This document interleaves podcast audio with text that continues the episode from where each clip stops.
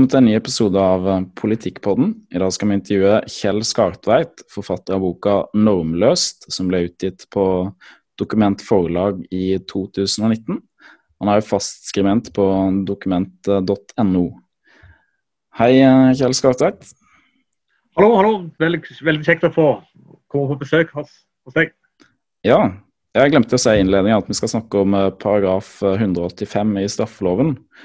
Uh, og hva det har nydelig skjedd noen endringer i den.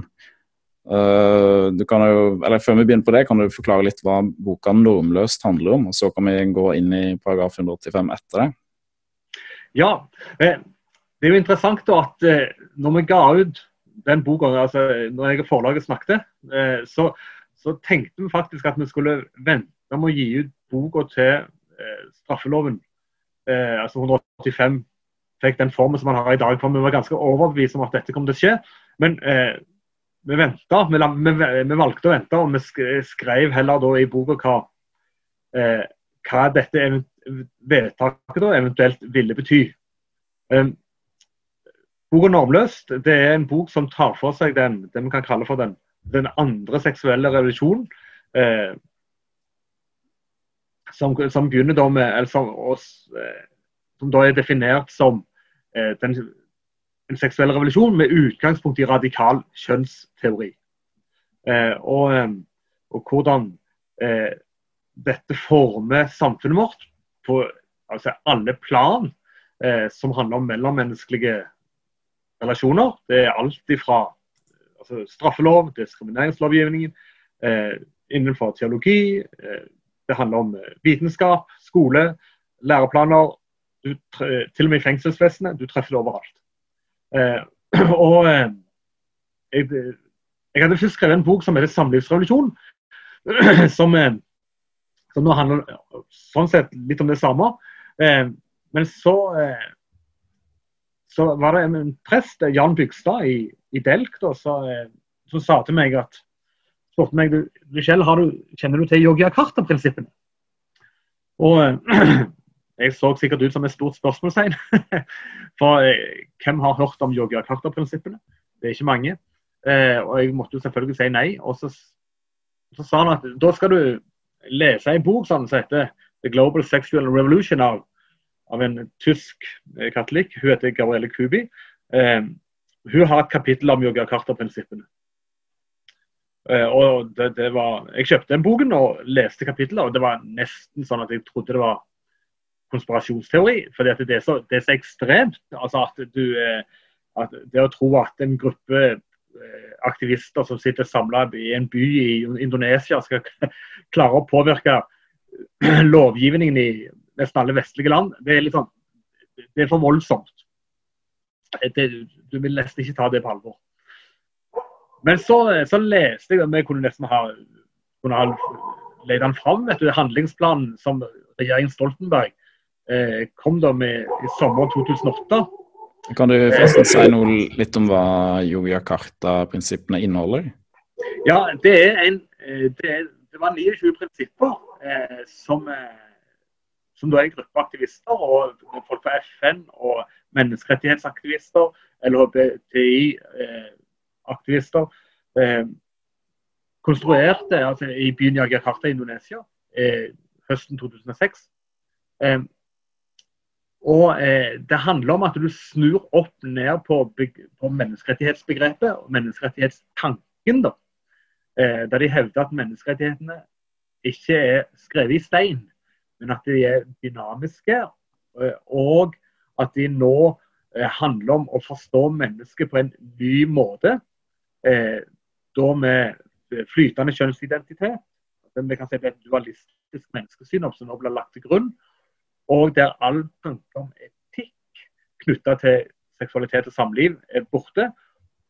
Og ikke bare det, men at da den en, at en idé eller en tanke om at det finnes en etikk om seksualitet og samliv, er da brudd på menneskerettighetene.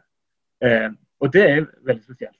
Eh, og at det er en brudd på menneskerettighetene eh, å hevde at det finnes en overlegen eh, samlivsetikk Og ikke bare det, men alle stater som tar dette inn til lovgivning, forplikter seg til å motarbeide enhver idé om at det finnes en etisk korrekt måte å, altså, med tanke på eh, å leve livet på når det gjelder samliv og, og, og seksualitet.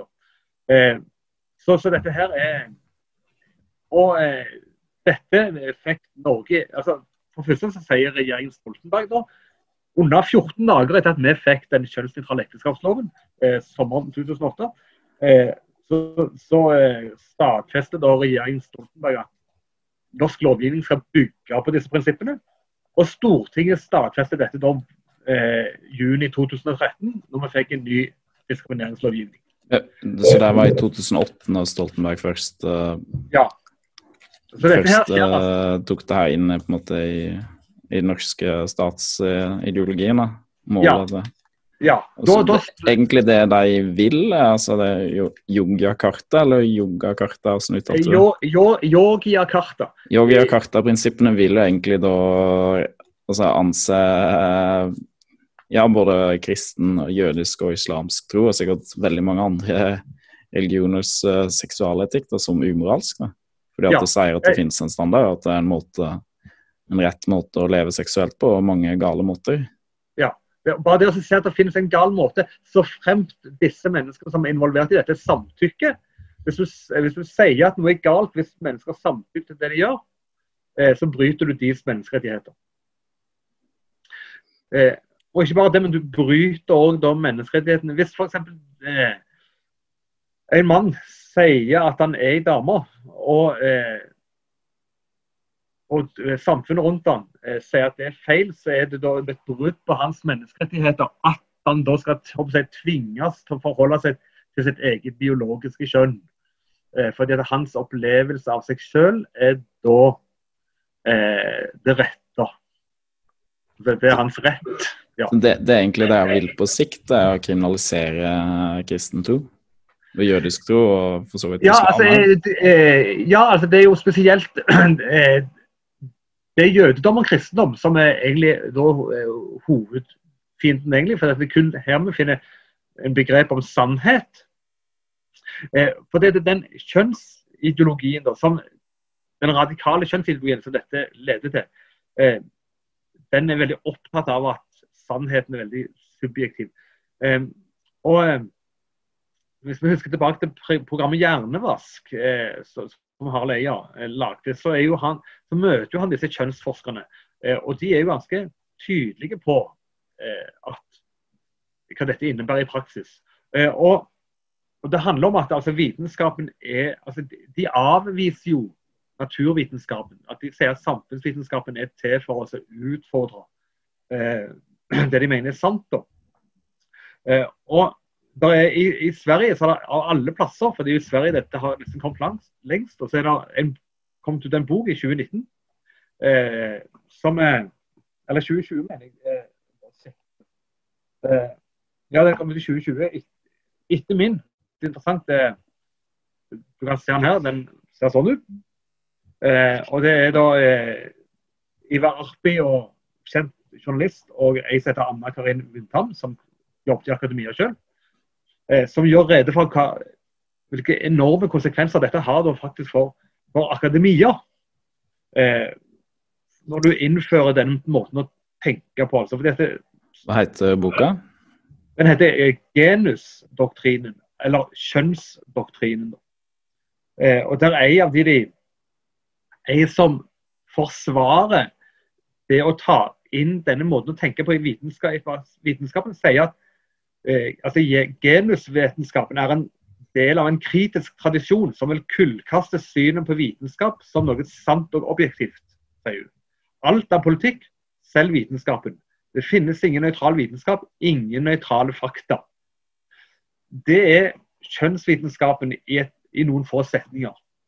Eh, og eh, da er det Når du i tillegg da eh, har som mål for staten å da motarbeide enhver oppfatning av at det finnes en sannhet. og finnes noe som altså, Det handler jo altså både om eh, vitenskap og det handler om etikk. Det handler om en helt ny virkelighetsforståelse eh, som, eh, som da regjeringen og det norske Stortinget har sagt skal innføres i Norge. Dette er ikke tomme ord, dette er knallhard virkelighet.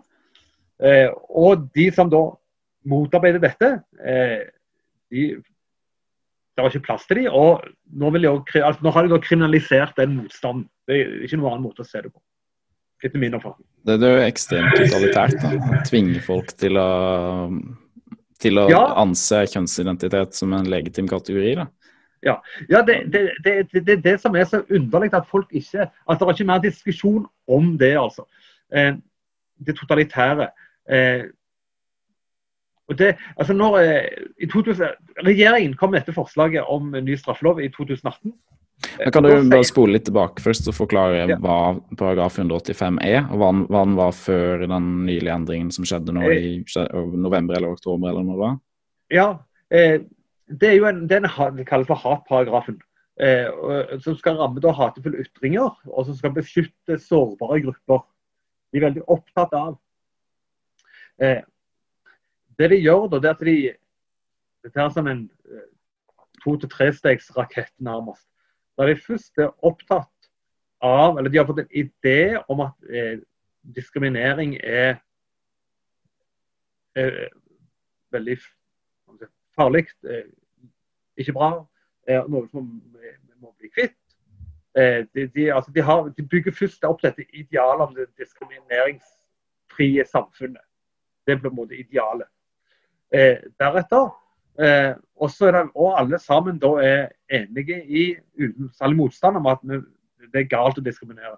Selv blant kristne så er jo dette her et, eh, Hvis du sier at det er rett, eller at det faktisk er en menneskerett å diskriminere, så blir du sett altså Folk ser på deg med eh, ja, store øyne, og de tror du er nesten en grønn mann fra Mars. Eh, en menneskerett å diskriminere, hva, hva, mener du med det?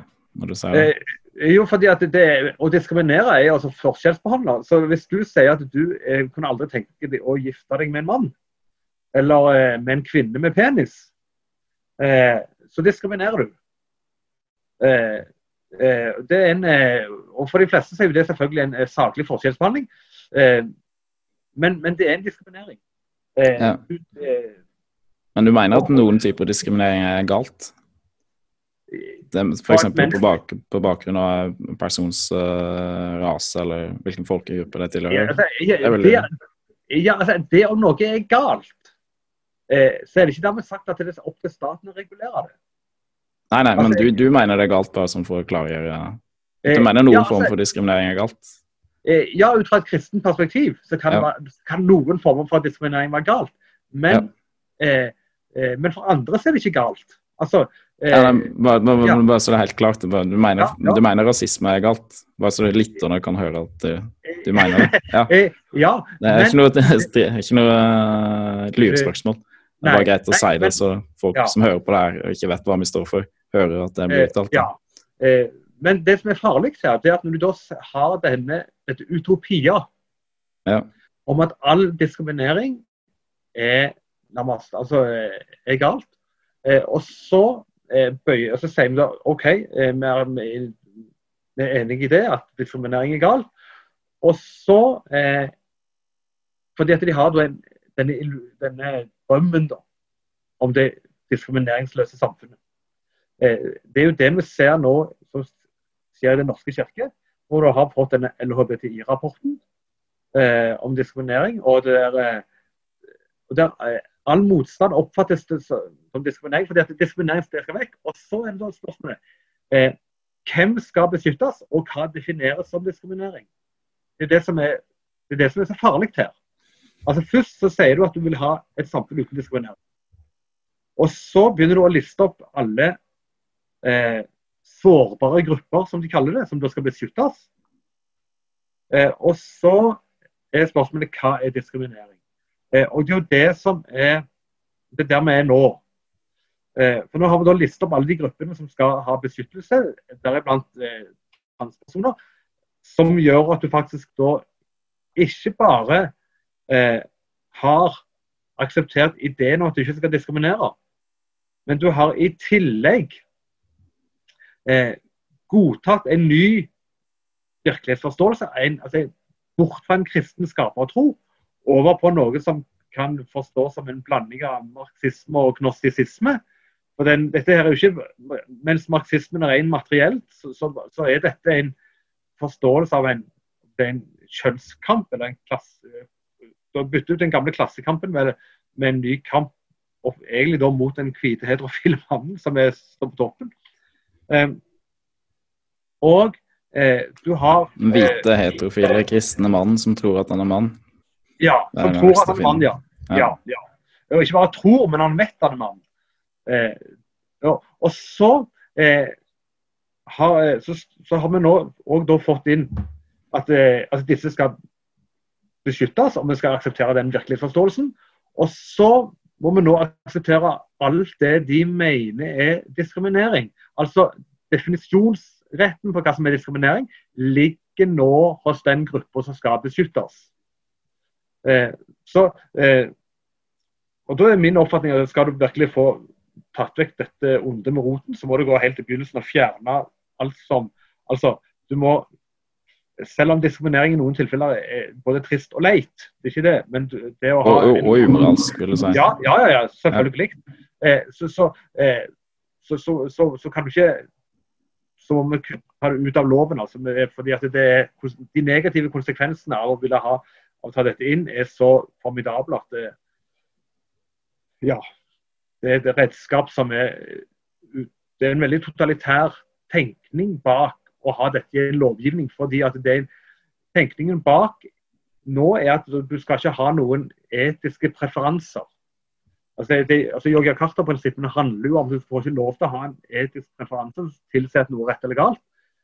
Har du det, hvis da går tilbake til LHBT-rapporten i Den norske kirke, så er det, altså hvis du har en preferanse der som ansatt at det finnes en korrekt måte, altså en kristen måte å leve samlivet på, og hevder det overfor et homofilt par, som òg jobber i Den norske kirke, så er det du som diskriminerer. Eh, og, og, og, da er du plutselig, da, da bryter du loven. Eh, og eh, du bruker arbeidsmiljøloven og nå diskrimineringslovgivningen. Og ja. Og dette viser hvor farlig det er, altså, hvor langt vi har kommet eh, i denne utviklingen. Som regjeringen Stoltenberg da viste de egentlig ville så tidlig som altså 2008. Altså. Mm. Når var det den Det var nå i november paragraf 185 i straffeloven ble, ja, ja, ble forandra på. Den får da gå, altså, bli virkekraftig fra 1.1.2020. Ja. Riktig. Vi kan jo bare fyre opp uh, dele skjermen her nå. Så skal vi se på hva som konkret står der. Her kan jeg se. Paragraf 185. Annet ledd skal lyde med diskriminerende eller hatefull ytring menes det å true eller forhåne noen eller fremme hat, forfølgelse eller ringeakt overfor noen pga. deres A. hudfarge eller nasjonale eller etniske opprinnelse. B. religion eller livssyn. C. seksuelle orientering. Det var faktisk en stavefeil. stavefeil. Det er stavefeil her, jeg har ikke glemt en S. Ok, uh, D. Kjønnsidentitet eller kjønnsuttrykk. Eller E. Nedsatte funksjonsevne. Så ja.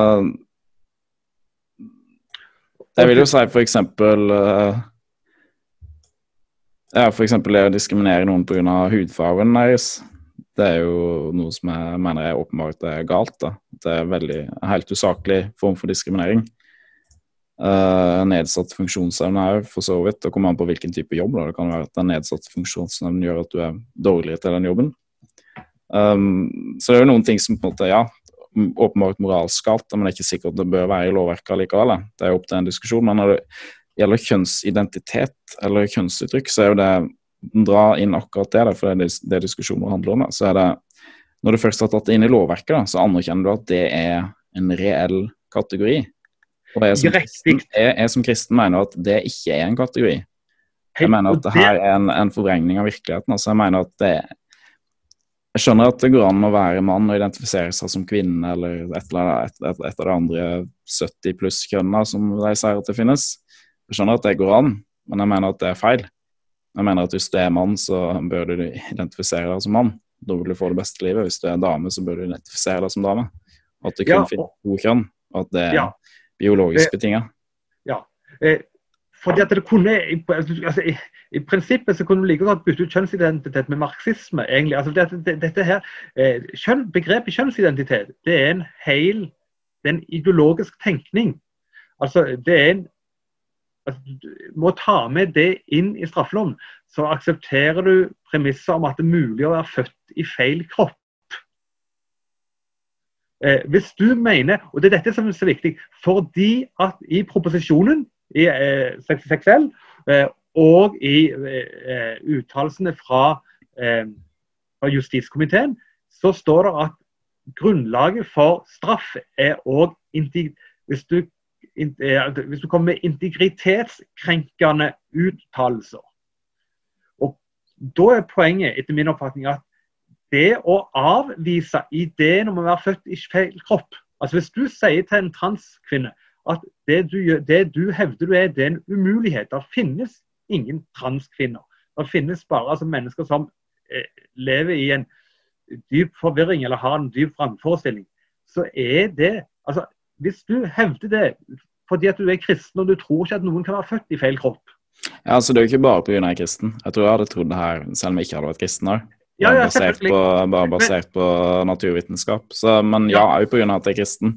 For at Ja. mennesket er skapt i Guds bilde og til mann og kvinne. Ja. Kvinner skapte Ja. han dem, som det står Ja, i første. Mosebok. Men, men òg ut fra naturvitenskap så er det jo åpenbart, og òg all menneskelig erfaring, at det kun finnes to kjønn. Så det jo interkjønn, som er noe annet, men det er jo et, klart, klart et avvik. Og folk som er interkjønn òg, vil jo ikke ha noe med det her å gjøre vanligvis. Nei, nei, nei. Det har jo egentlig vært eh, på en måte en Det er et overgrep mot dem. det er et overgrep mot interkjønnpersoner da, å dra den Ja. i-en inn i den, eh, det passordet. Ja, si er det helt sånn. enig. Så Ja. det er LHBTI. Ja. det- overgrep. Det som er viktig her, det er at her, i, i dette tilfellet så går kristendom og vitenskap hånd i hånd. Eh, eh, og altså, Vitenskapen sånn sett bygger jo da på, på kristen tro. Altså, eh, og eh, det at det finnes en sannhet. Eh, det at, du ikke, at sannheten ikke er eh, Vi sier da, altså når da i Sverige i dag sier at alt er politikk, selv vitenskapen, at det ikke finnes nøytral vitenskap, ingen nøytrale fakta, så er det eh, Så mener vi at det er feil. Eh, og, men poenget er, som du helt riktig sier, eh, hvis når du tar inn begrepet kjønnsidentitet i straffeloven, eh, så er du tvunget til, å aksept, til å akseptere denne dette er det vi kaller for narrativet. altså dette, Denne forestillingen om at du kan være født i feil kropp. Og da blir eh, bare argumentet, bare det å si at nei, du kan ikke være født i feil kropp, det blir jo selvfølgelig en integritetskrenkende uttalelse. Eh, for du krenker jo eh, deres forståelse av seg selv, av seg selv som, eh, som et annet kjønn enn det de eh, er født med. Eh, så dette her, er- Det er det som gjør dette så usedvanlig farlig.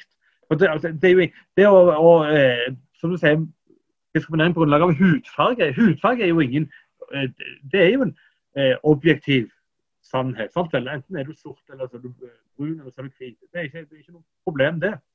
Eh, om du er muslim, så er du muslim. Eller kristen. Eh, eller etnisk opprinnelse. Så er du fra Etiopia, så er du fra Etiopia.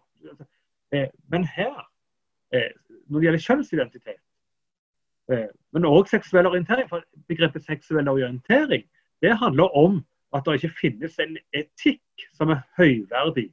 Det er nettopp, og det er òg problemet her. Altså. Eh, begrepet seksuell orientering handler om at all eh, seksuell atferd der partene samtykker, er likeverdige. Så det å arbeide for at et samfunn skal ha eh, ekteskap bestående av mann og kvinne, eh, det er da eh, egentlig i strid med, med straffeloven. Altså. Og det er i strid med Yogi Carter-prinsippet. Ja. Det er vel ingen som har blitt straffa foreløpig for å hevde det. Eh, nei, ingen har blitt straffa.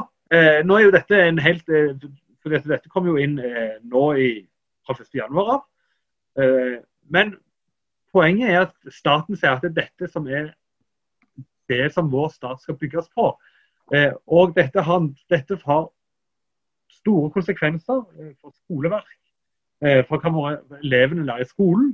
Og det handler, har store konsekvenser i akademia. Og med, eh,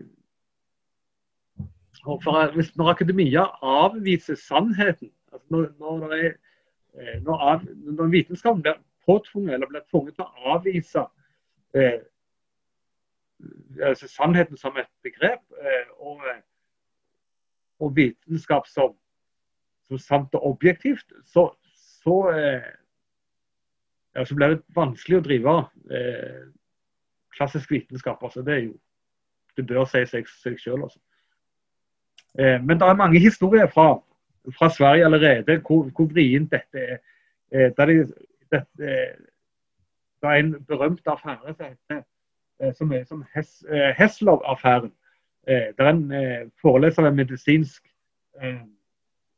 institutt altså, ved, ved universitetet i så er du må snakke litt mer, uh, må snakke litt mer direkte mot kameraet ditt. og Lyden blir veldig dårlig. Ja, jeg bare, jeg, ja. Han er en, en lege da, som underviser ved Lunds universitet i Lund. Mm. Eh, og, og, som vågde å si det på en forelesning at det finnes kjønnsforskjeller. altså at Forskjell mellom kjønns er biologisk betinget. Noen av forskjellene. Eh, og Det fører til en klage for en student. Eh, og eh, det fører til at universitetet legger til ekstra forelesninger eh, om kjønn som eh, sosialt betinget. Altså at de, de kan ikke de godtar ikke hans vitenskapsbaserte undervisning. Og Dette skjedde i 2018. 14. mai 2018, så det er ikke lenge siden. Ble han straffa for det? Eh, han ble ikke straffa, men han får en korrekt eh, og, eh, klar beskjed om at jeg kan ikke undervise som om dette er det eneste sanne. da, så du må, ja. Det, det, er klart mønster vi ser her, som har vært et mønster helt siden 60-tallet. det at den, eh, skal si, Kulturradikalene prøver ikke å forandre kulturen og så lovverket, men jeg går heller først til lovverket i det stille ja. og får forandra det.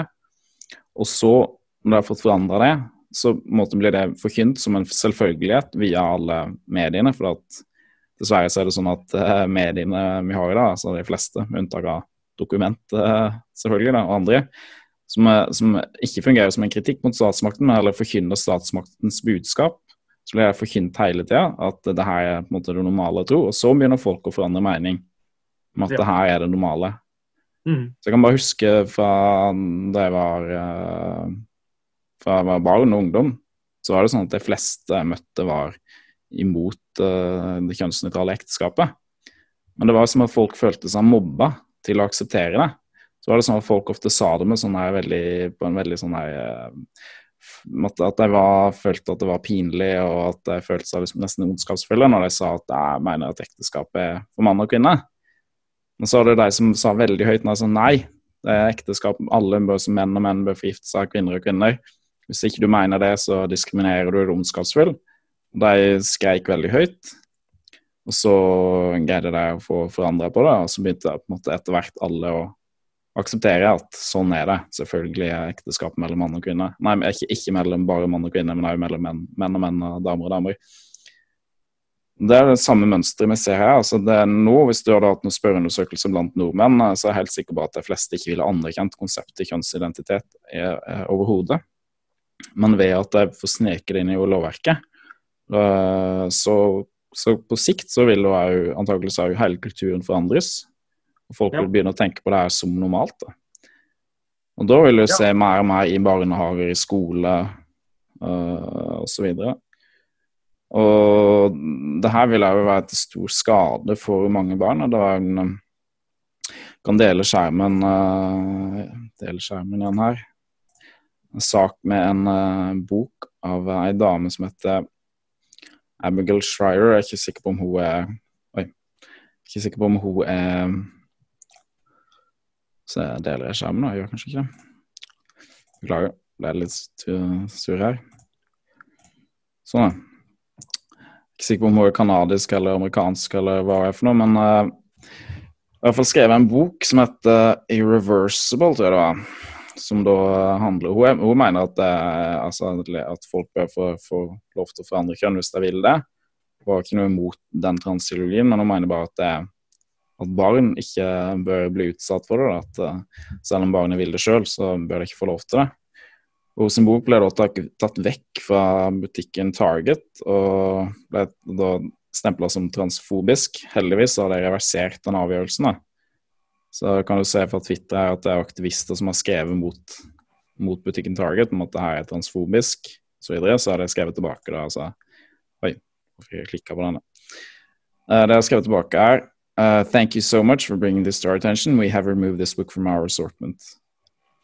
Så Men det som er med de barna, altså, de vil jo da vil jo da uh, bli Altså, du vil jo oppleve irreversible skader på kroppen sin ja. Det å bli utsatt for denne behandlinga. Folk er, snakker om det f.eks. en annen sak her fra Canada. Uh, misgendering kids and preventing transitioning can constitute child abuse. Uh, BC, jeg er ikke sikker på hva det står for, men en eller annen høyesterett i Canada som mener det. British Columbia. Ja, British Columbia stemmer. Et ja. Uh, fylke. Det, det, det er høyesterett i en delstat i Canada. Delstat i Canada, stemmer. Bra. Misgendering er altså feilkjønnede barn og hindrer de fra å, fra å gå gjennom et kjønnsskifte. Kan da uh, konstituere barne... Ja, mis, ja, mishandling av barn. barn. Ja, mishandling av barn, rett og slett. Da. Ja, eh, og, og, og, det er jo eh, fordi at I det øyeblikket du godtar Det er dette som er så farlig. Altså, til og med KrF har jo godtatt ideen om flytende kjønnsidentitet.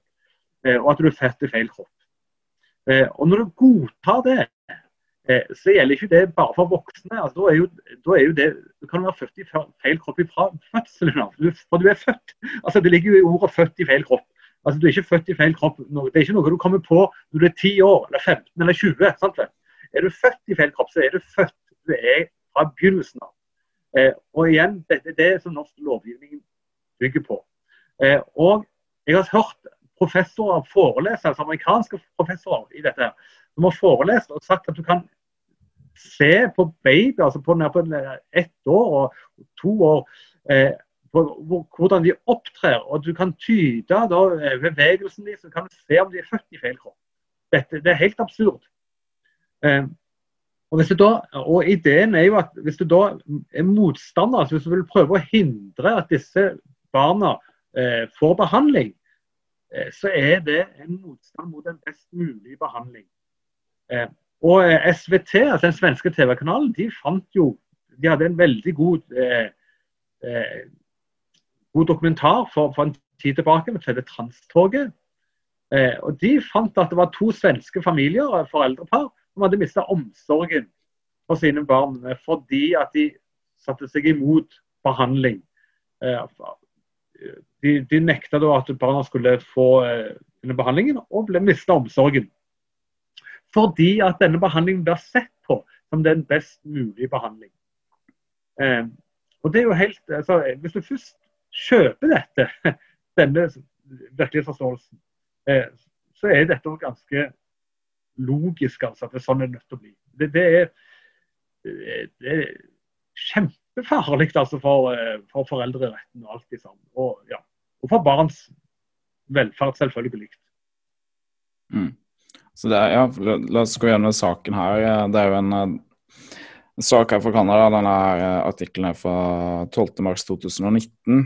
Det er en ja. far som da har hatt en, en, en, en datter som da som er, hun, er, hun er 14 år, men siden hun var 12 år, så, eller var det 11, 11 eller 12 år, så har denne personen her identifisert som en gutt og ville få da, behandling, hormonbehandling og, og såkalt kjønnskorrigerende behandling for å bli mer som en gutt uh, fysisk. Og det satte faren seg imot, og det ble rettssak, for mora ville det, og selvfølgelig alle skolen og diverse helsepersonell ville at denne personen da skulle få lov til å, å få såkalt forandre kjønnet sitt. Og da ble da han Og det ble dømt da i, i rettssaken til at det barnet skulle, skulle la det barnet her bestemme sjøl og få forandre kjønnet sitt. det, det, det, som er måte, språket er veldig skremmende her, er en såkalt uh, trans rights lawyer, altså en transrettighetsadvokat, Adrian Smith, som sier da om uh, denne her rettsordren at den er altså, å, å feilkjønne en person og bruke det altså, ukorrekte navnet på de, og forsøke å overbevise dem mot å ikke gjennomgå kjønnskorrigerende Eh, behandling, eller care, faktisk omsorg, kjønnskorrigerende omsorg, er en form for familievold. Så det er på en måte Hvis du har en, eh, en sønn eller datter som sier at de nå begynner å identifisere som, som det motsatte av det kjønnet de har, og du sier at nei, det er kanskje ikke en god idé, det syns at du, du, er en gutt, og da er du en gutt. Eller du er en jente, og da er du en jente. Det er nok best at du fortsetter måtte, å, å tro det at det er det som er virkeligheten, så blir det ansett da her, ifølge denne advokaten, som en form for familievold. Uh, det, det, her, Jeg ser ikke helt hvorfor det her ikke vil komme til Norge, når du først har sagt at kjønnsidentitet er en virkelig kategori. Da. Ja, nei, det, det vil komme. og eh, når du da, da må man bare tenke litt altså logikken, for det er en egen logikk og dynamikk i dette. Eh, når du da har nå sagt at eh, dette er en, faktisk en kriminell handling. Eh, og beskytte, da, altså prøve å beskytte barnet mot den typen eh, tenkning. Eh, og da, så må man tenke gjennom ja, eh, hva da med eh, de som prøver å altså, Hvis du eh, tar en liten parallell til debatten om denne med konverteringsterapi, altså dette med eh, forslag om å forby eh, transterapi, altså homoterapi. altså Dette får de til å gå tilbake til enten et annet kjønn eller en annen legning eller en seksuell orientering. Men så har de sagt at det forbudet lar vente på seg. Spørsmålet er er det, er hele tatt nødvendig med et forbud mot eh, den typen handling når du har en straffelov som sier at det å eh, i det hele tatt stille spørsmål ved din forståelse av deg selv som dame, hvis du er en mann. At det, altså, Bare det å stille spørsmål, det er jo en kriminell handling. Trenger du da en egen lov?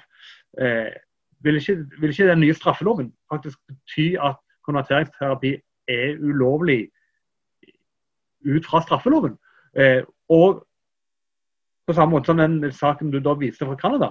altså Den vil jo òg falle inn under eh, straffeloven. Altså for Du krenker jo integriteten til dette barnet ved å si at du faktisk du er ikke jente. Eller, altså, du er det kjønnet du er født med.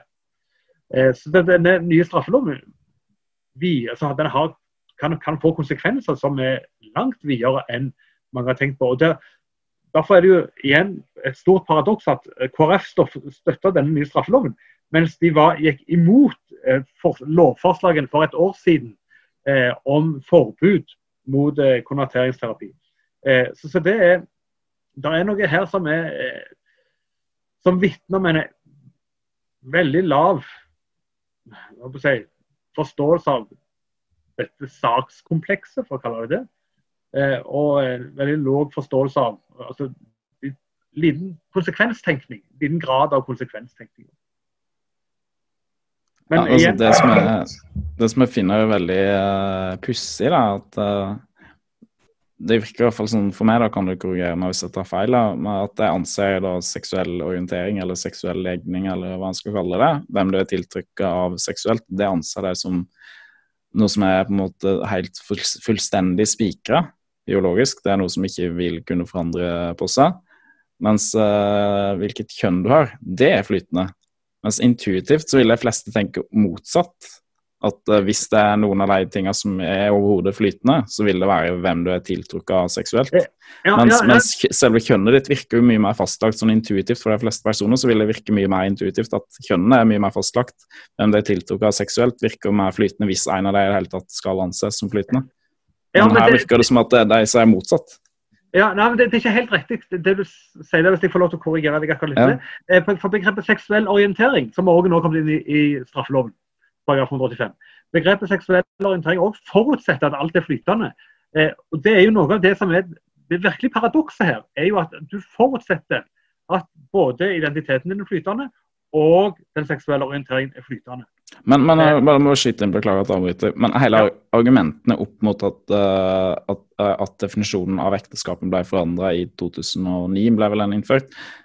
Alle argumentene opp mot det husker jeg var jo at, at det her er helt fastlagt. Du kan ikke noe for at du er tiltrukket hvis du er mann, at du er tiltrukket av en mann. Hvorfor skal vi da diskriminere mot deg? Altså, Da de er født sånn, da må de få lov til, å, få eh. lov til å, å utfolde sin medfødte seksualitet som er, som er helt spikra genetisk fra fødselen av det.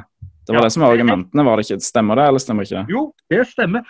Da, men da har jeg lyst til eh, å hente en liten bok eh, som da Anette Trettebergstuen med andre har skrevet. Eh, den har jeg har stående i bokhylla, så hvis jeg bare tar to sekunder Ja, det er greit.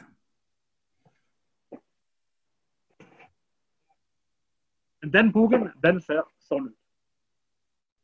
Ja, den har jeg sett på, sett på Kiwi. Ja, eh, og, og, det er interessant. Eh, fordi at eh, dette med altså at de Så jeg prøver å snakke mot kamera, for det er veldig lav ja. lyd.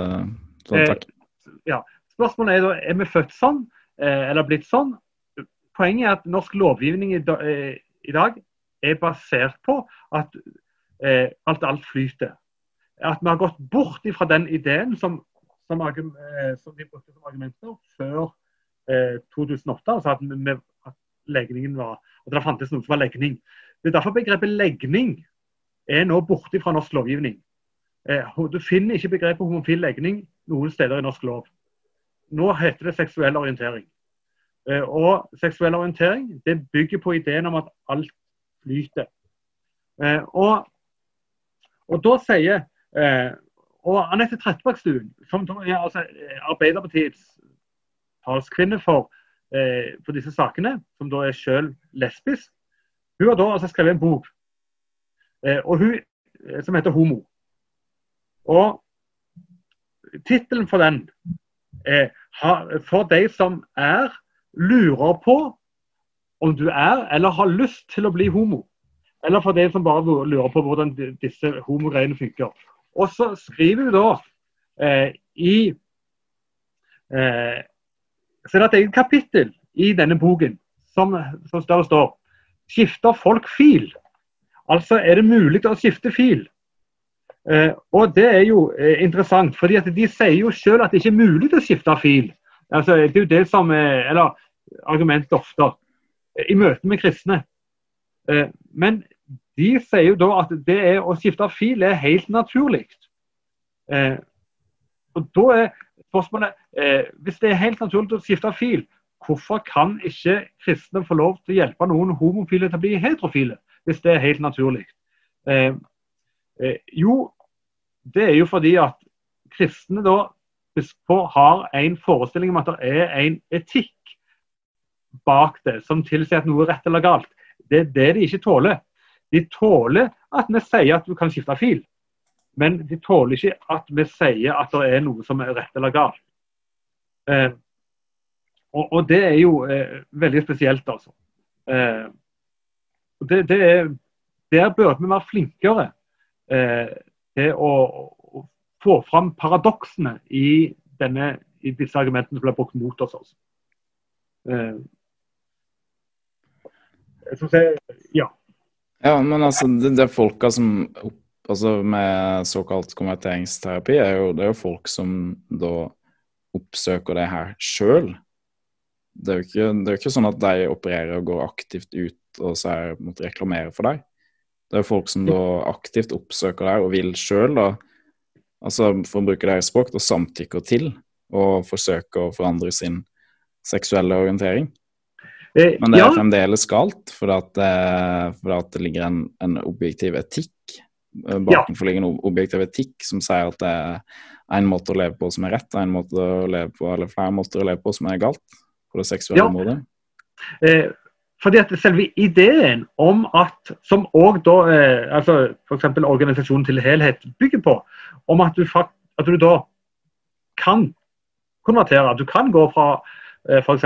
homofil til heterofil, den er anerkjent. Den ideen om at du kan skifte fil, Den er altså anerkjent òg av homobevegelsen. Og norsk lovgivning bygger på den ideen. Den stadfester, Norsk straffelov stadfester at det er helt naturlig faktisk å skifte fil.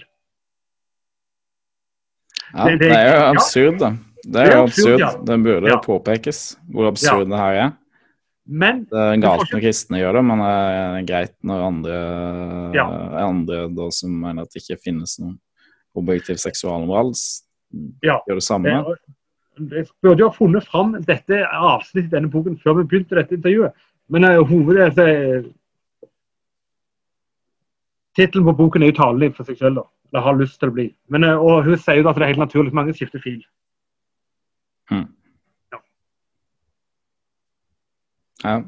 Er, altså, jeg tror det beste kristne kan uh, gjøre, da, ikke bare kristne, men folk som har rett og slett uh, sunn fornuft og konservativ tenkning vedrørende kjønn, og sånn at det, må begynne å påpeke inkonsistensen i tenkningen bak det her. Og òg forklare for folk hva som er ideologien bak det her. Det her er virkelig, virkelig skremmende saker. Og veldig ekstremt totalitært. da.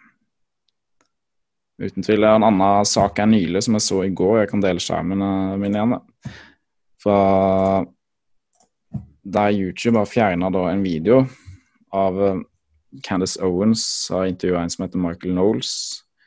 veldig bra folk som dere kan uh, søke opp på YouTube, eller ja, begge to.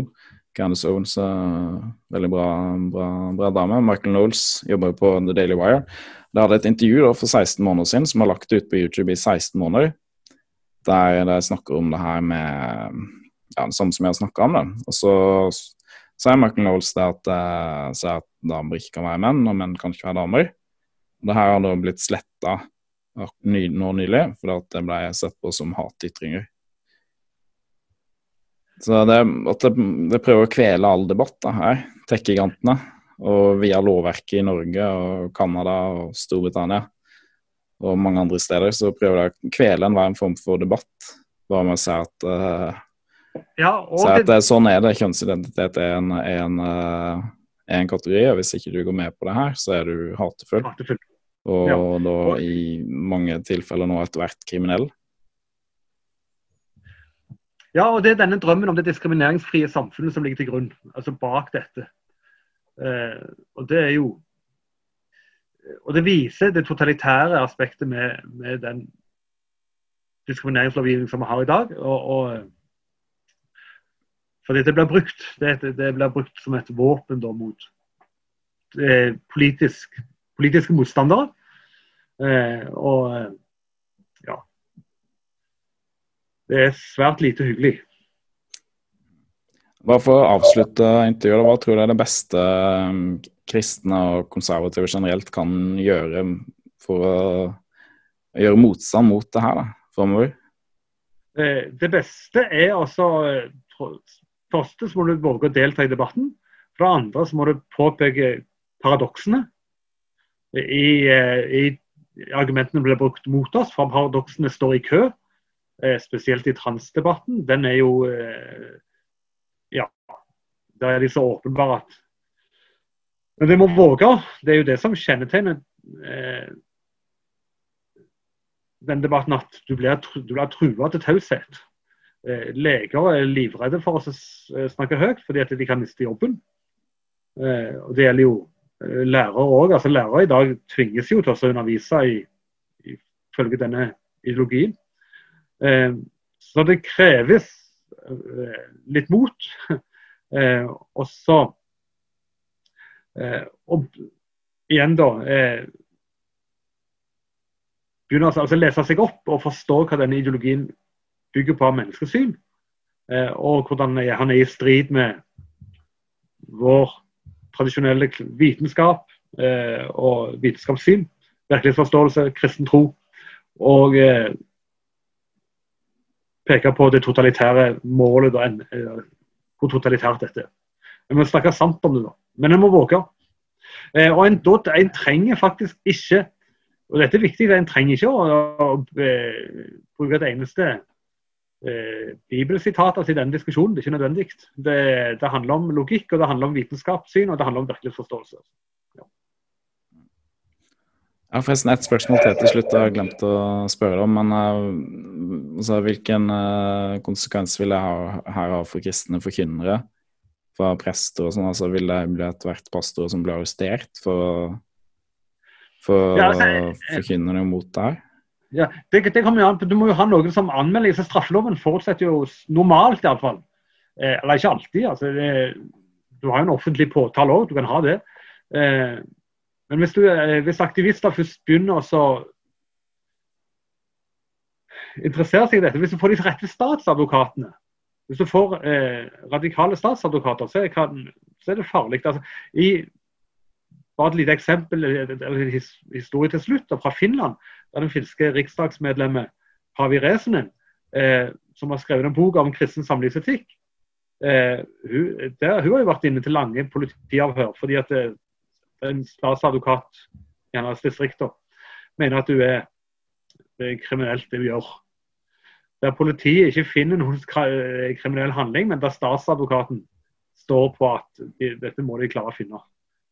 Eh, og der til og med forleggeren eh, har vært inne til lange avhør fordi at han har tillatt boken hennes å ligge ute på, på nettet etter at lovgivningen ble skjerpa da også. Eh, så, så eh, Ja. Eh, jeg har, jeg har ikke så lyst til å spekulere. Jeg vet bare at når dette lovverket ligger der, og grensen for hva som oppfattes som krenkende, når den grensen er veldig lav, så, så, så blir jeg, jeg blir overraska hvis ingen blir tiltalt etter hvert. det er jo, eh, for, altså, hvis ingen blir tiltalt, så betyr det én ting, og det er at kristne tier stilt. Eller vitenskapsfolk. Ja. Mm. Beklager, jeg har egentlig glemt det helt. Jeg glemte å dele én sak til med deg fra Canada, som viser, viser hvor absurd det her kan bli. da. Det, så jeg har hatt kryssa den vekk. Så har vi en, Det er en sak der uh, Ja.